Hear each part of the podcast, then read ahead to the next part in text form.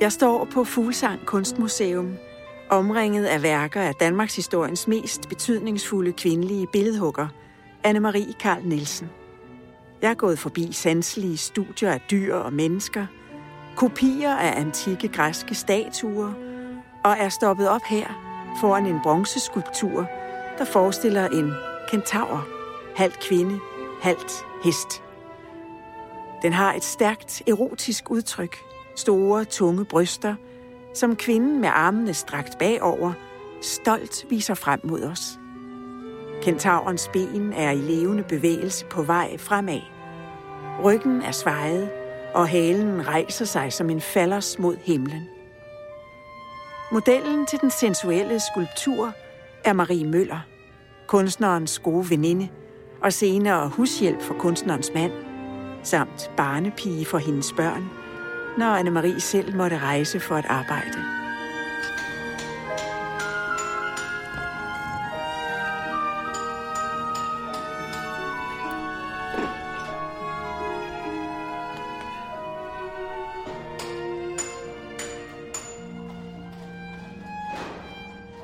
Der skulle gå 29 år, efter Marie Møller havde stået model, før kentauren blev støbt i bronze og udstillet.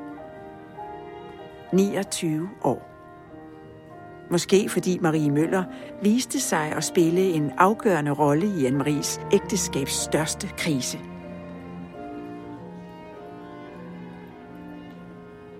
Hendes mand, komponisten Karl Nielsen, havde i 10 år bag Anne-Maries ryg en affære med Marie Møller.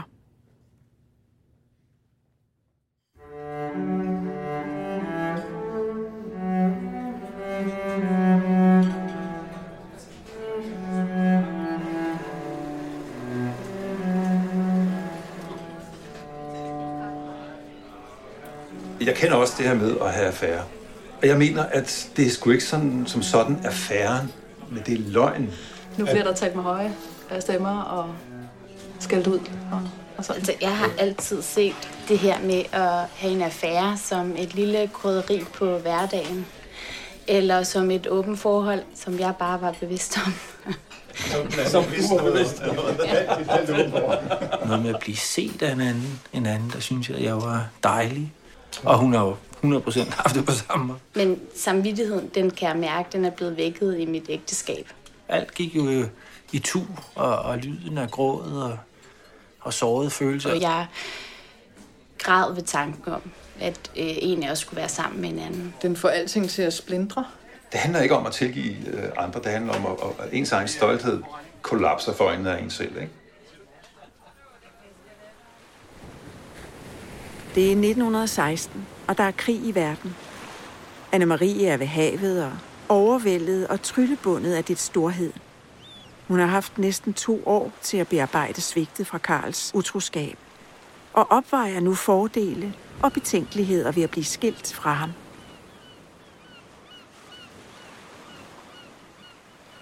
Kære Karl, jeg er endnu her og kan ikke rive mig løs fra havet. Det er så stort og mægtigt, og himlen er så vældig og udstrakt herude. Ja, jorden er så dejlig og mangfoldig. Jeg skulle skrive til dig, og har flere gange prøvet på det. Det er så svært, fordi jeg ved, det gør ondt. Også på mig. Men det er bedst for os begge i længden.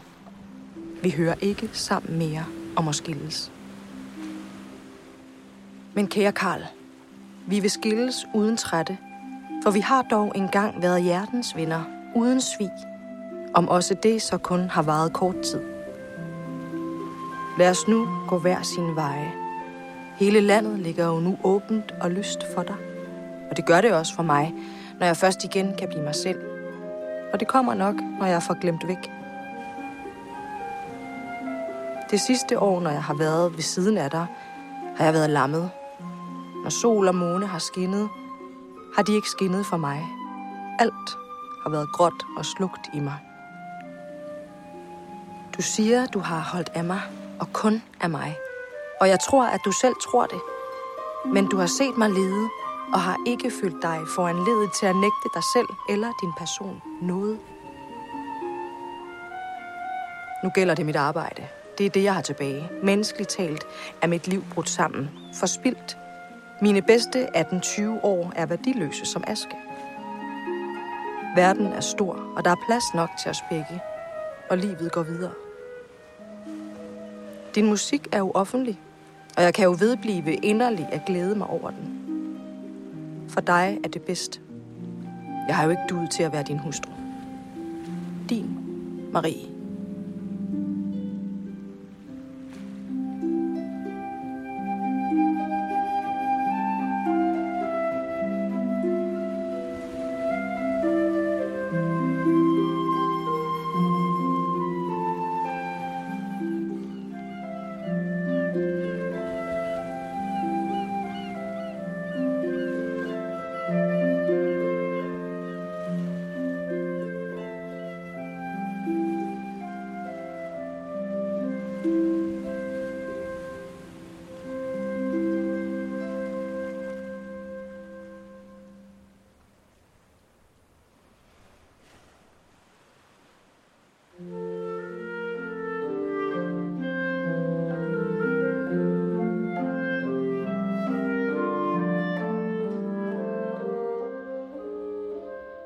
25 år tidligere, 1891, i Frankrig.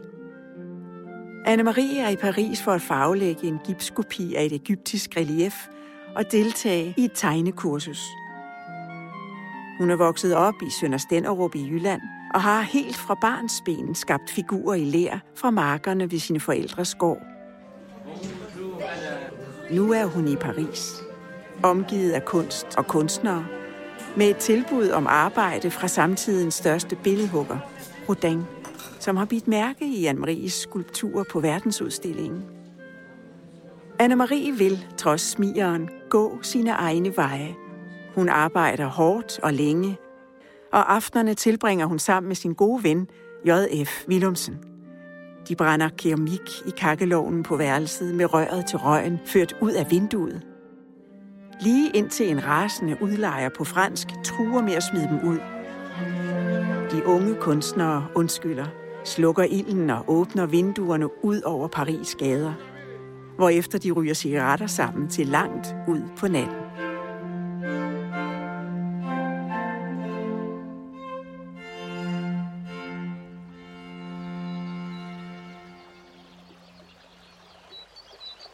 Når jeg tænker på forelskelse, så tænker jeg på sådan en øh, elv eller en fos, og det der vand, der bare pisker afsted. Liv, der begynder, det der piperi og sådan noget. Der er et eller andet stykke kemi, der bare øh, fosser rundt, som du siger, i, i kroppen på en. Øh. Solen altid skinner, det gør den jo, når man er forelsket, ikke? Og alt er ved at spire, og alt er sådan... Tænker jeg på latter. Den andens åndedræt. Så i virkeligheden oplever jeg forelskelse med at miste kontrol. Og komme så tæt på at være så forsvarsløs, at man kan hvile i hendes åndedræt. Og ligesom at blive øh, fyldt op af en anden kraft. Når man hele tiden har den der lyd af sådan en latter, sådan hele tiden skyller ind, og man står og man ved egentlig ikke rigtig, hvad, og man går, kommer hjem og tænker, hvad har vi egentlig brugt de sidste 72 timer på? Og man hører hele tiden det der sådan i, som sådan en, en stille forelskelses tinnitus af latter.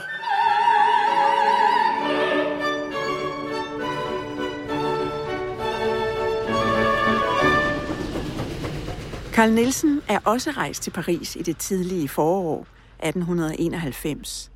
Og det er her, de to møder hinanden for første gang og bliver stormende forelsket.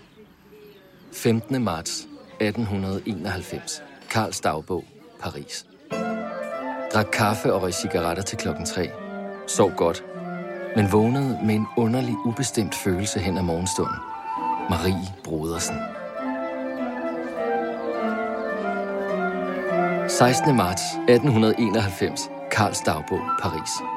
Kan ikke huske, hvad jeg har oplevet denne dag, uden det, at jeg om aftenen fandt hende, for hvem jeg hele tiden havde haft en hel skala af følelser. Og vi vil leve livet sammen, blive lykkelige, og intet skal få mig til at tvivle mere. 30. marts 1891. Karls dagbog, Paris. Har ikke ført dagbog i disse 14 dage, da jeg har levet i ros af lykke. Har set meget sammen med Marie. og føler mig stadig rigere og betydeligere i hendes selskab. Nu vil jeg kun for fremtiden notere, hvor jeg har været, og hvad vi ser sammen.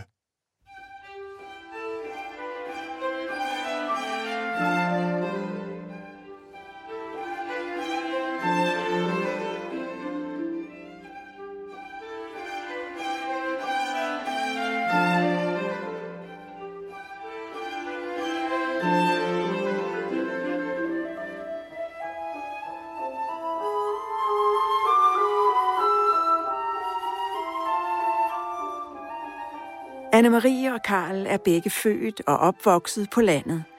De har begge og vil begge hele livet forfølge en sandhed om kunst. Deres egen. Karl komponerer musik. Anne-Marie skaber skulpturer. Han er luft, hun er lær. For begge betyder både arbejdet og kærligheden meget, men mens Karl arbejder bedst inde med Anne-Marie ved sin side, så arbejder Anne-Marie bedst alene og ude i verden.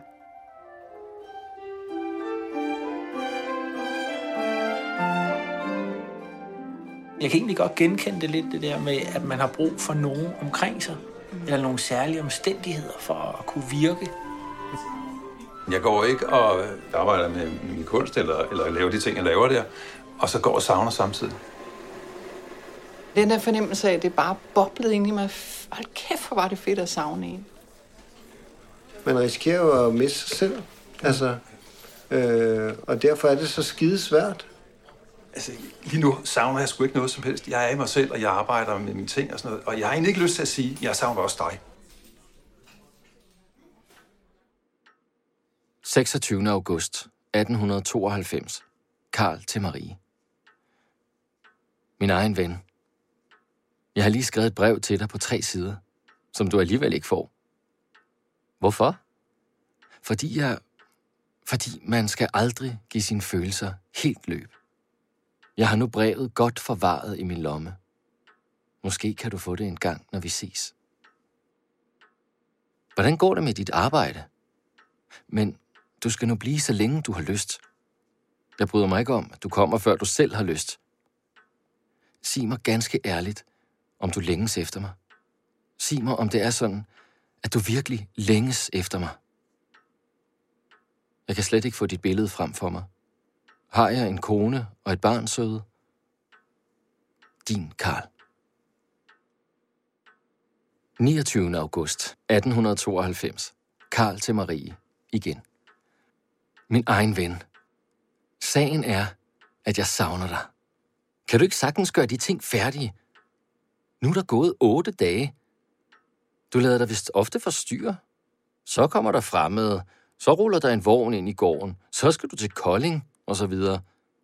Altså, hvornår kommer du? 26. september 1896. Marie til Karl. Min egen lille kæreste ven. Du kan tro, jeg er flittig. Jeg er så godt som færdig med det ene af studierne, og er nu sådan i gang, at det andet, jeg skal gøre, vil falde meget lettere. Jeg venter dog ikke at være færdig før om 14 dage. Det er også, som jeg havde beregnet en måned efter, at jeg rejste hjemmefra. Du kan tro, jeg tit tænker på dig, og længes efter min egen lille gode ven. Jeg ønsker også tit, at jeg havde dig hos mig, og kunne tale med dig om mit arbejde. Jeg har nu engang vendet mig til at skulle vide din mening. Jeg længes også efter min egen kæreste, og efter at kunne sidde hos dig og tage dig om halsen. I nat drømte jeg om dig. At vi to gik i en dejlig grøn skov. Og vi gik og talte, og solen skinnede. Og hele tiden var der nogle kedelige mennesker, som gik på stierne og arbejdede i grøfterne, hvor vi kom frem. Blot du kunne komme lidt i gang med arbejdet, så gik alting bedre. Jeg længe samtidig efter at høre dig holde tummel og spektakel på klaveret, som når du komponerer. Farvel, min egen ven. Skriv til mig snart. Jeg er din pige. Jeg går og nynner din lille melodi. Hils Irme fra Søs. 11. oktober 1896. Karl til Marie. Kære Marie, hvorfor skriver du ikke? Nu er det fire dage siden, vi hørte fra dig. Det er en trist søndag. Jeg er så overanstrengt at prøver tandpine og forkølelse.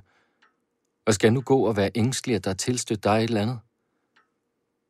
I det hele taget må jeg sige, at det vækker både min og alle menneskers forundring, at en moder virkelig kan være 6-7 uger borte fra et årgammelt barn og overlade det til en pige.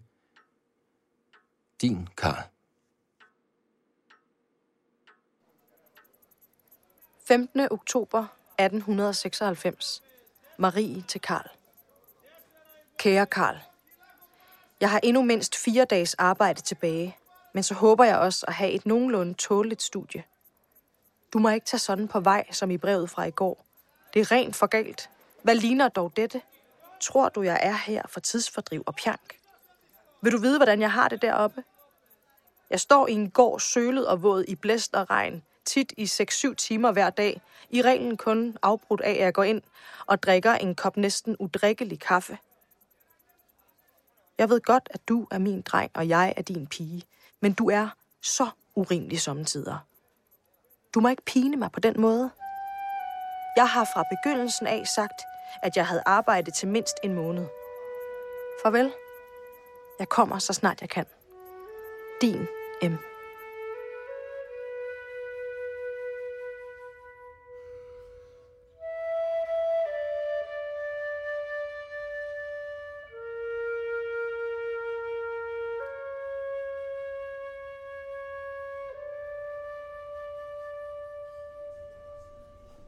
det var meget svært for ham at være alene med det her barn.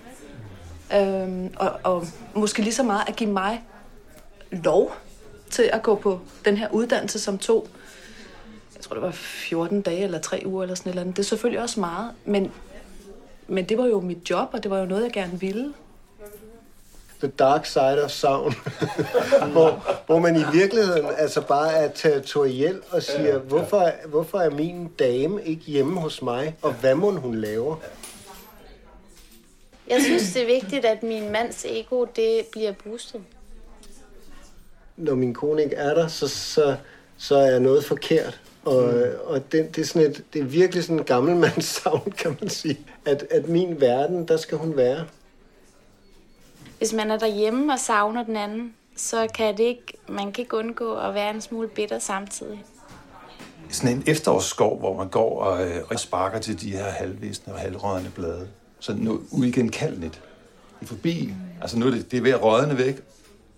Jeg er her, når du kommer hjem, og jeg savner også dig, og jeg er lige her.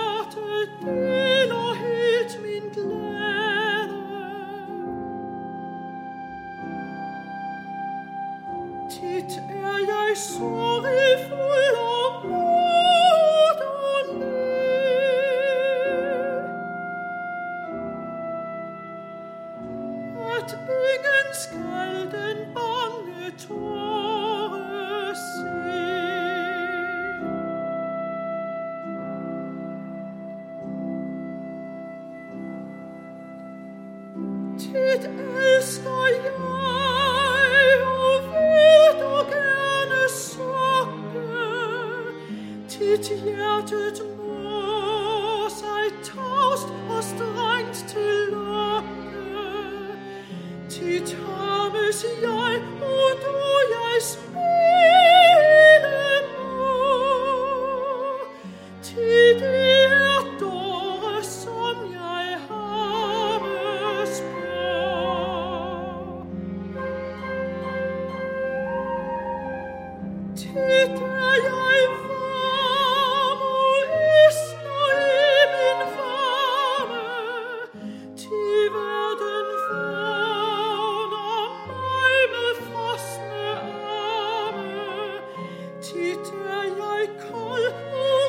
25. december 1904. Karl til Marie. Kære Marie, din gaver blev modtagende med stor begejstring, kan du tro. Vi havde et smukt juletræ, som Marie Møller og børnene havde pyntet så nydeligt. Klokken halv seks spiste vi så til middag, risengrød og gåsesteg og hvidvin til stegen. Hans børge fik mandlen i grøden og gaven, der fulgte med.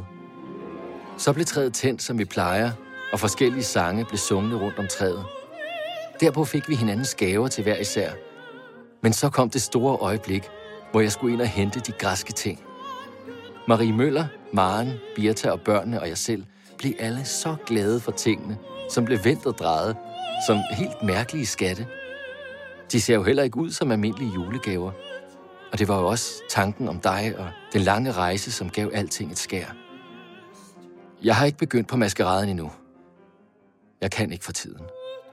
Og enten må der gå en tid, eller jeg må opleve en sorg eller glæde, som kan vende op og ned på det, man kalder sjælen i mennesket. Kan du være sød og skønne dig dernede? Nu, tusinde kærlige hilsner fra din ven. –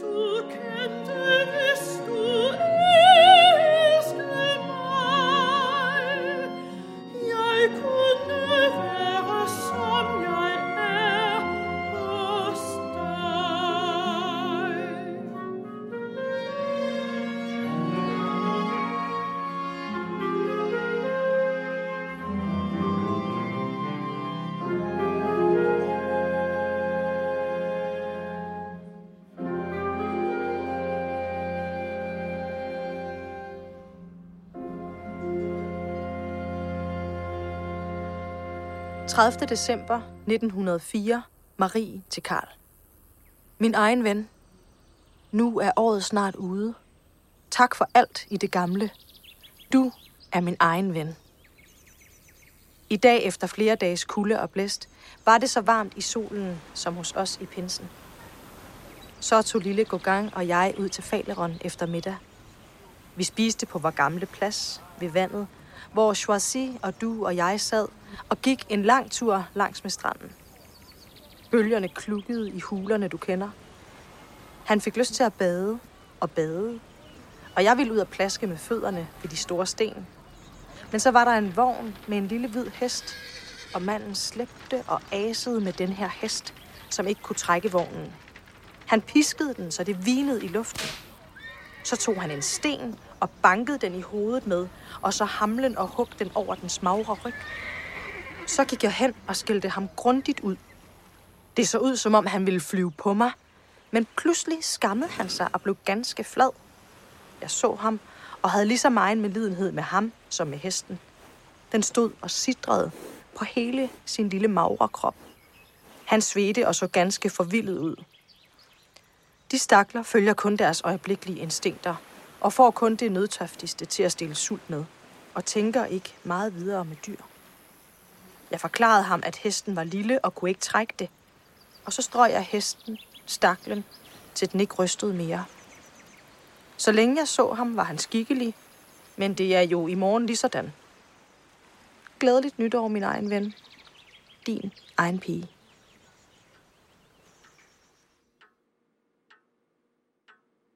– 11. marts 1905. Karl til Marie. Kære Marie, mine misundere og modstandere ved teatret har i al stillstand arbejdet således, at jeg i dag har fået min afsked.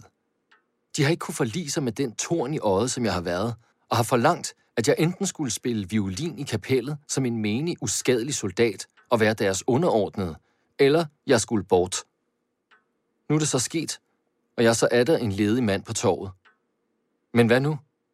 Vil du med din formue og dine indtægter påtage dig at sørge for dig selv og børnene, så vil jeg prøve helt forfra i udlandet. Eller hvad mener du? I al hast, din Karl. 18. marts 1905. Marie til Karl. Min egen ven. Mine to hollandske veninder er gode venner med Gustav Mahler fra Wien. Og ham skal du lære at kende. Når du er færdig med din søvn, så kom. Kortet, jeg sender dig, giver stor moderation på dammskibsturene. Tal med Heiberg om det, hvorledes du rejser mest praktisk. Hvor vidt er du med maskeraden? Hils Marie Møller og sig hende, at jeg tit tænker på hende, og at jeg skriver med næste post. Hun og Maren skal nok klare det hjemme. Kærlige hilsner til børnene. Din Marie. Det er skide teater. Du må tage dine bedste klæder med. Gør nu, som du synes er rigtigt. Er du ked af at tage fra din maskerade, bliv og bryd dig ikke om billetten. 23. marts 1905. Karl til Marie. Kære Marie, det er aldeles fortvivlende at få sådan et brev fra dig som i dag. Efter at du ved, at jeg er afskediget, så skriver du, at jeg skal rejse ned til Athen. Hvad er dog dette? Jeg har grædt som pisket, og jeg tror, du har mistet din forstand, og at jeg også er galt selv. Jeg har foretaget et skridt samtidig med afsendelsen af dette brev. Jeg forlanger kun, at vi nu må have vores skilsmisse fra hånden.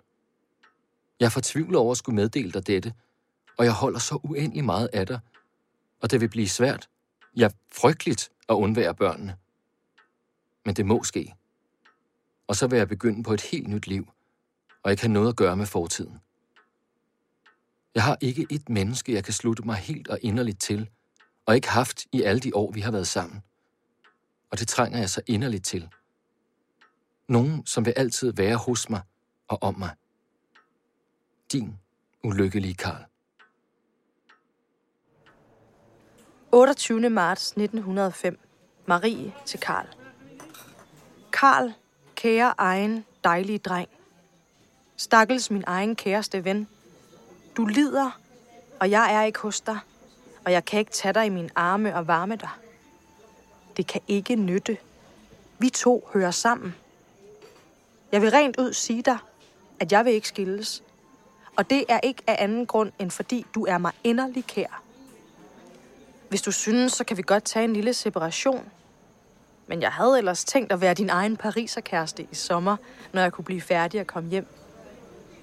Nu skal du komme ned og hente mig. Det er også godt for dig oven på den mugne teaterhistorie, som du nu slet ikke skal være så ked af. Vi to skal nok klare os. Sommetider tjener du, sommetider jeg. Jeg er overbevist om, at det er bedre for dig, ikke at være knyttet til det intrigefyldte teater, hvor middelmodighed regerer. Din tid kommer nok.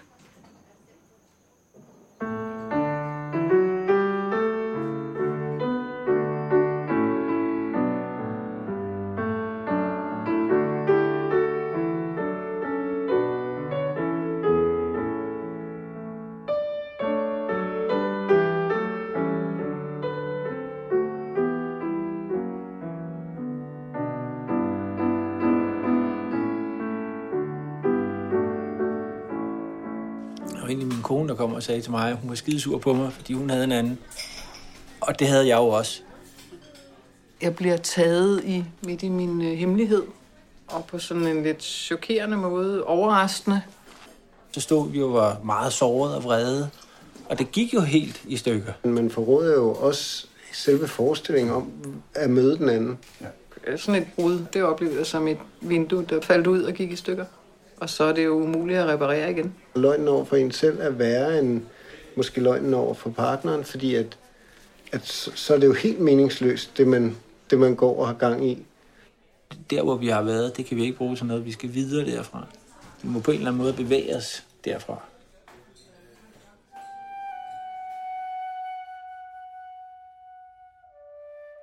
– 9. marts 1914. Marie til Karl. Kære Karl.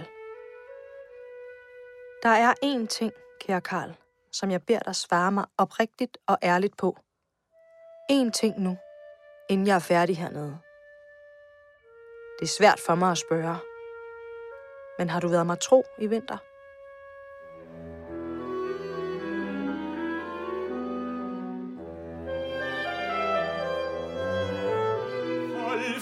Fastere omkring mig med dine runde arme.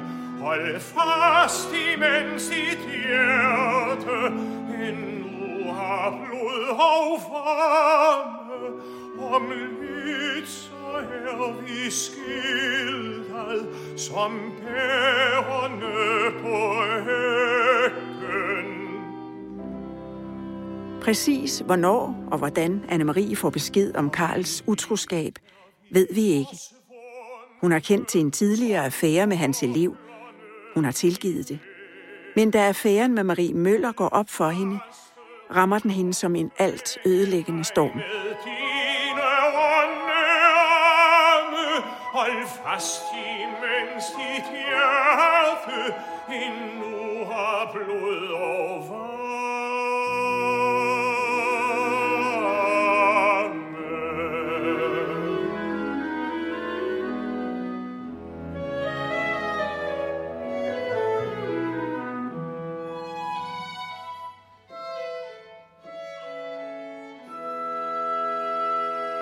13. august 1914. Maries dagbog. I dag har jeg en af mine svære dage. Jeg har vemmelse ved alt ved arbejde og ikke arbejde. Alt er mat i mig. Mine øjne, som før har glædet sig over hver bevægelse hos mennesker og dyr, og hver linje bevægelse i en farve, er sløve og gider intet se. Hvor er mit hjem? Jeg kan ikke komme bort fra, at Mon Karl har ønsket, jeg skulle fortsætte med at leve i den forstillelse og løgn. Jeg ser hendes tyvagtige tæveblik fra siden slikke op og ned af ham. At jeg har været så blind. Jeg vemmes ved mig selv.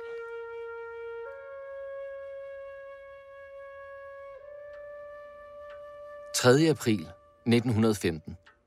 Karl til Marie. Kære Marie, Nærgårds skal jeg hilse sig hjerteligt fra. Bodil og jeg var i stallene, straks jeg kom. Der var så mange dejlige, større og mindre kalve og nyfødte lam, som løb rundt i båsene, og vi talte naturligvis om dig. Og jeg så så mange henrivende motiver. Du har lært mig at se med mine øjne. Eller rettere, med dine øjne. Og det er så rigt. Din se. 4. april 1915. Marie til Karl. Tak for dit brev. Ja, det kunne have været dejligt sammen at se på kalve, lam og alt, hvad der gror. Tak fordi du skrev, at du ser ligesom jeg. Det er smukt tænkt af dig.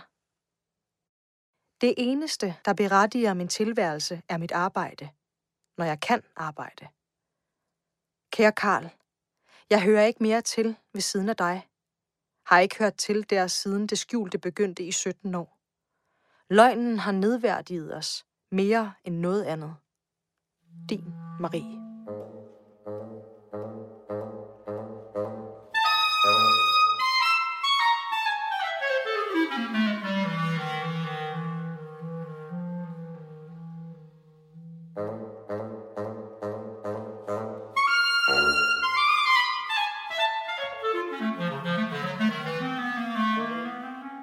17. april 1915. Marie igen til Karl. Kære Karl, det er forkert, når en sådan påstand er kommet, at min kunst har taget luven fra mit ægteskab. Jeg var billedhugger, før vi giftede os, og ja, jeg har taget det alvorligt. Gud bevarer mig for andet. Har du ikke også taget din kunst alvorligt? Tak for alt godt, du har været for mit arbejde. Der har vi i det mindste villet det bedste for hinanden gensidigt. Og tit har du sagt et forløsende ord også. Jeg har lige over for dit arbejde haft vilje til at stive dig af til dit bedste og højeste, som du stræbte imod, og som jeg synes i min ringhed, du strejfede og nåede til tider. Ak, ufuldkommende er vi mennesker, og hvor virken jo altid. Men målene slog du aldrig af på. Slår vi ikke af på. Din Marie. Min kære, gode ven. Min egen ven. Jeg siger dig, at jeg har aldrig elsket andre end dig. Du må ikke kalde det fra sig, for ved den sjæl, som jeg har, ved det liv, som engang skal ende, og ved alt det, som jeg inderligt og dybt håber må blive tilbage af min kunst og mit arbejde, når vi ikke er mere. Ved alt det kan jeg forsikre dig, at jeg en dyb menneskelig henseende aldrig har været der utro.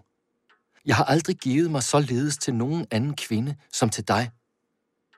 Du må undskylde, at jeg taler om dette, men jeg må gøre det, fordi du er i en stor, stor vilfarelse på dette intime punkt.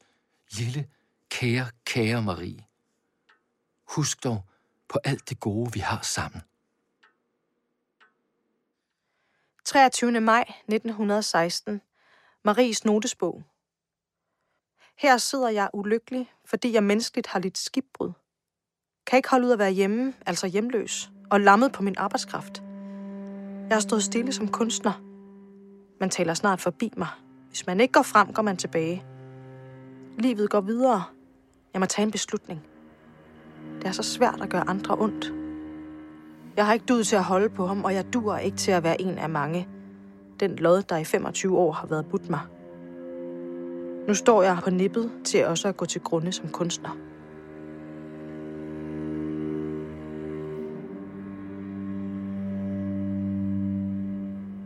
Mens Anne-Marie er ulykkelig og har opgivet deres ægteskab, forsøger Karl at smide dem sammen igen ved at købe et hus i Skagen. –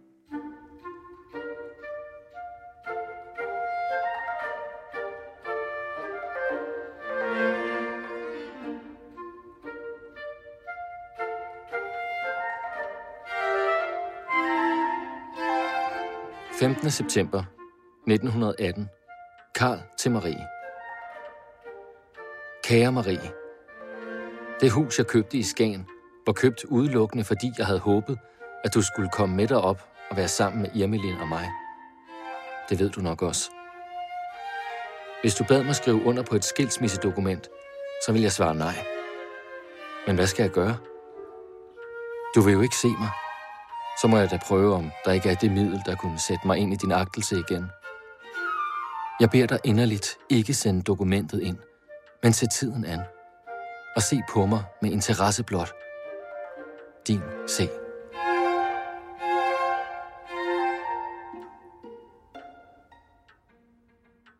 14. november 1918. Karl igen til Marie. Kære Marie, jeg føler så uendelig trang til at være noget for dig. Måtte det lykkes? Ja. Jeg tænker så ofte, at det måske ville være godt for os to, om hele verden blev kaos, så vi to i den yderste nød kunne gribe hinandens hænder og aldrig skilles mere, men holde så fast, så fast.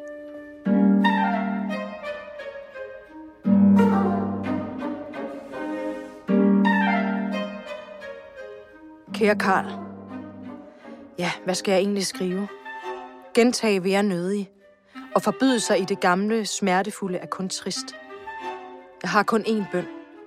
Lad os få det ordnet så hurtigt som muligt. Lad mig få min frihed igen.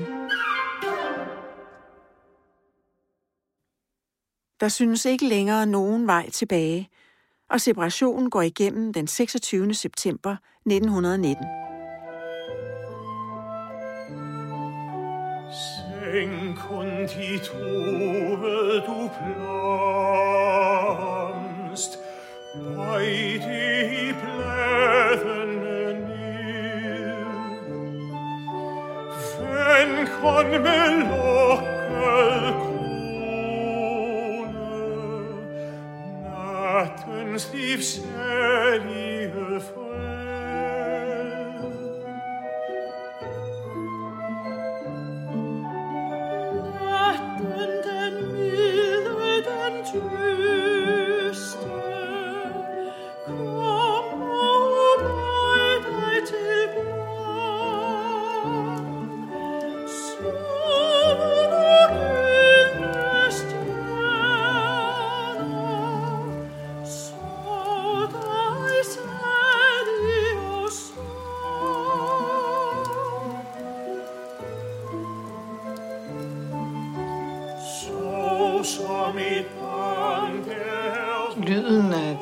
tilgivelse for mig, det kunne jo godt være regnvejr.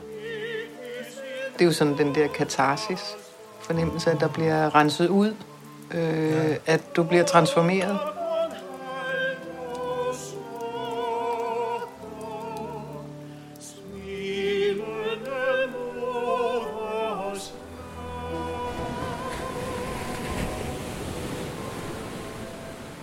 Jeg, sad og tænkte også på lyden af vand, men på bølger. Altså, øh, det er et sted, hvor spændingen forsvinder, og det er så stort et element, så det kan være ligegyldigt, hvor åndssvagt vi til os øh, de skal nok blive ved med at slå ind, de her bølger.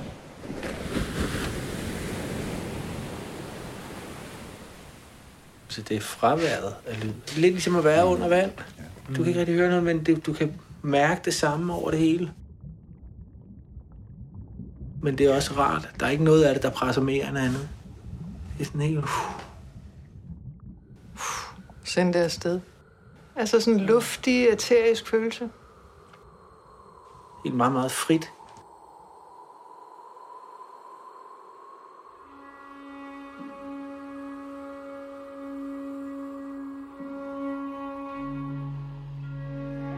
I tre år lever Anne-Marie og Karl som separerede kunstnere hver for sig.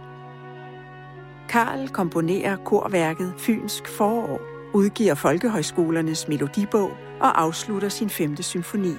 Alt imens Anne-Marie som den første kvindelige billedhugger nogensinde knokler med at udarbejde et ryttermonument til Christiansborg Slots ridebane.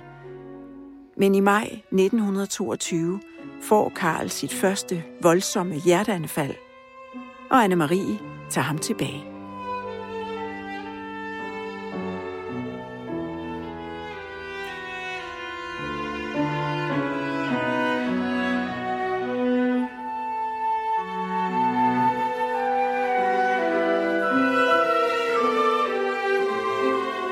– 19. marts 1927. Karl til Marie. Kære lille Marie. Alt, hvad du siger og gør, har præget af noget vægtigt og indholdsrigt. Jeg får samtidig sådan lyst til at beskæftige mig med tankelivet og skribentvirksomhed. Og jeg tror, du er noget skyld deri. For vi har dog gennem de mange år talt om så mange ting. Og begge to, efter vores evner, søgt at trænge ned til grunden. Det er især grunden til alting, der optager mine tanker. Hvorfor skriver jeg musik, og du former? Og hvad er det gode, vi egentlig tager os for? Hvornår og på grund af hvad begynder kunsten at tale til eller vække menneskets opmærksomhed? Hvad er elementerne hertil? Jeg har nu så ofte været inde på det, og kan aldrig blive færdig dermed. Din C.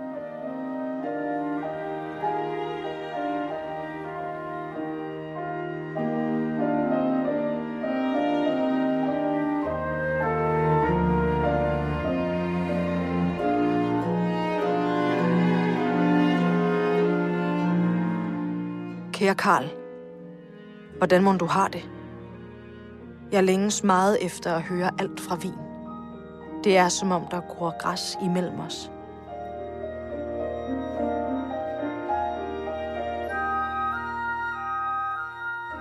– 19. februar 1931. Karl til Marie. Kære Marie. I dag slutter altså din udstilling, og jeg tænker på dig. Det har været en aldeles enestående udstilling. Og ved du hvad, der er i højeste grad opmuntrende og mærkeligt? Det er, at dine arbejder vinder gennem tiden. De er så værdifulde, at de ikke kan forældes. Du er den eneste, som har dette underlige, som ikke kan nøjere bestemmes, men aldrig er kedeligt. Jeg har tænkt så meget over det, og er overbevist om, at dit navn vil leve længe. Længe. Din Karl.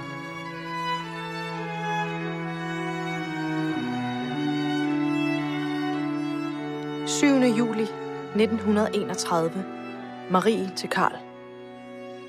Kære Karl, hvor må du er? Jeg kommer, så snart jeg kan.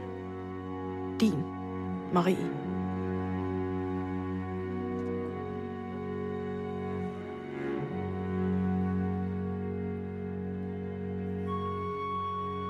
Karl dør den 3. oktober 1931 på Rigshospitalet. Samme år skaber Anne-Marie en byste af Karl, støber den i bronze og får den rejst i hans hjemby, Nørre Lønnelse på Fyn. Det er også det år, 29 år efter modelarbejdet med Marie Møller, at Anne-Marie endelig afslutter arbejdet og støber kentauren i bronze.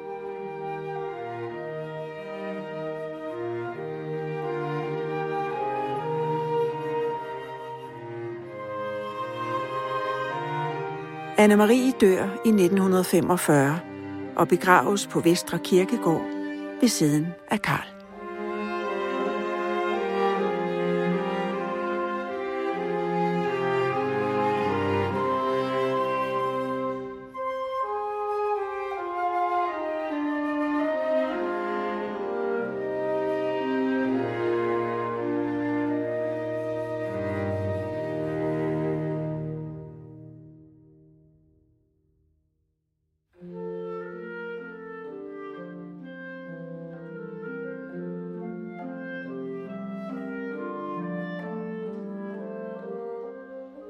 Tak for at lytte med.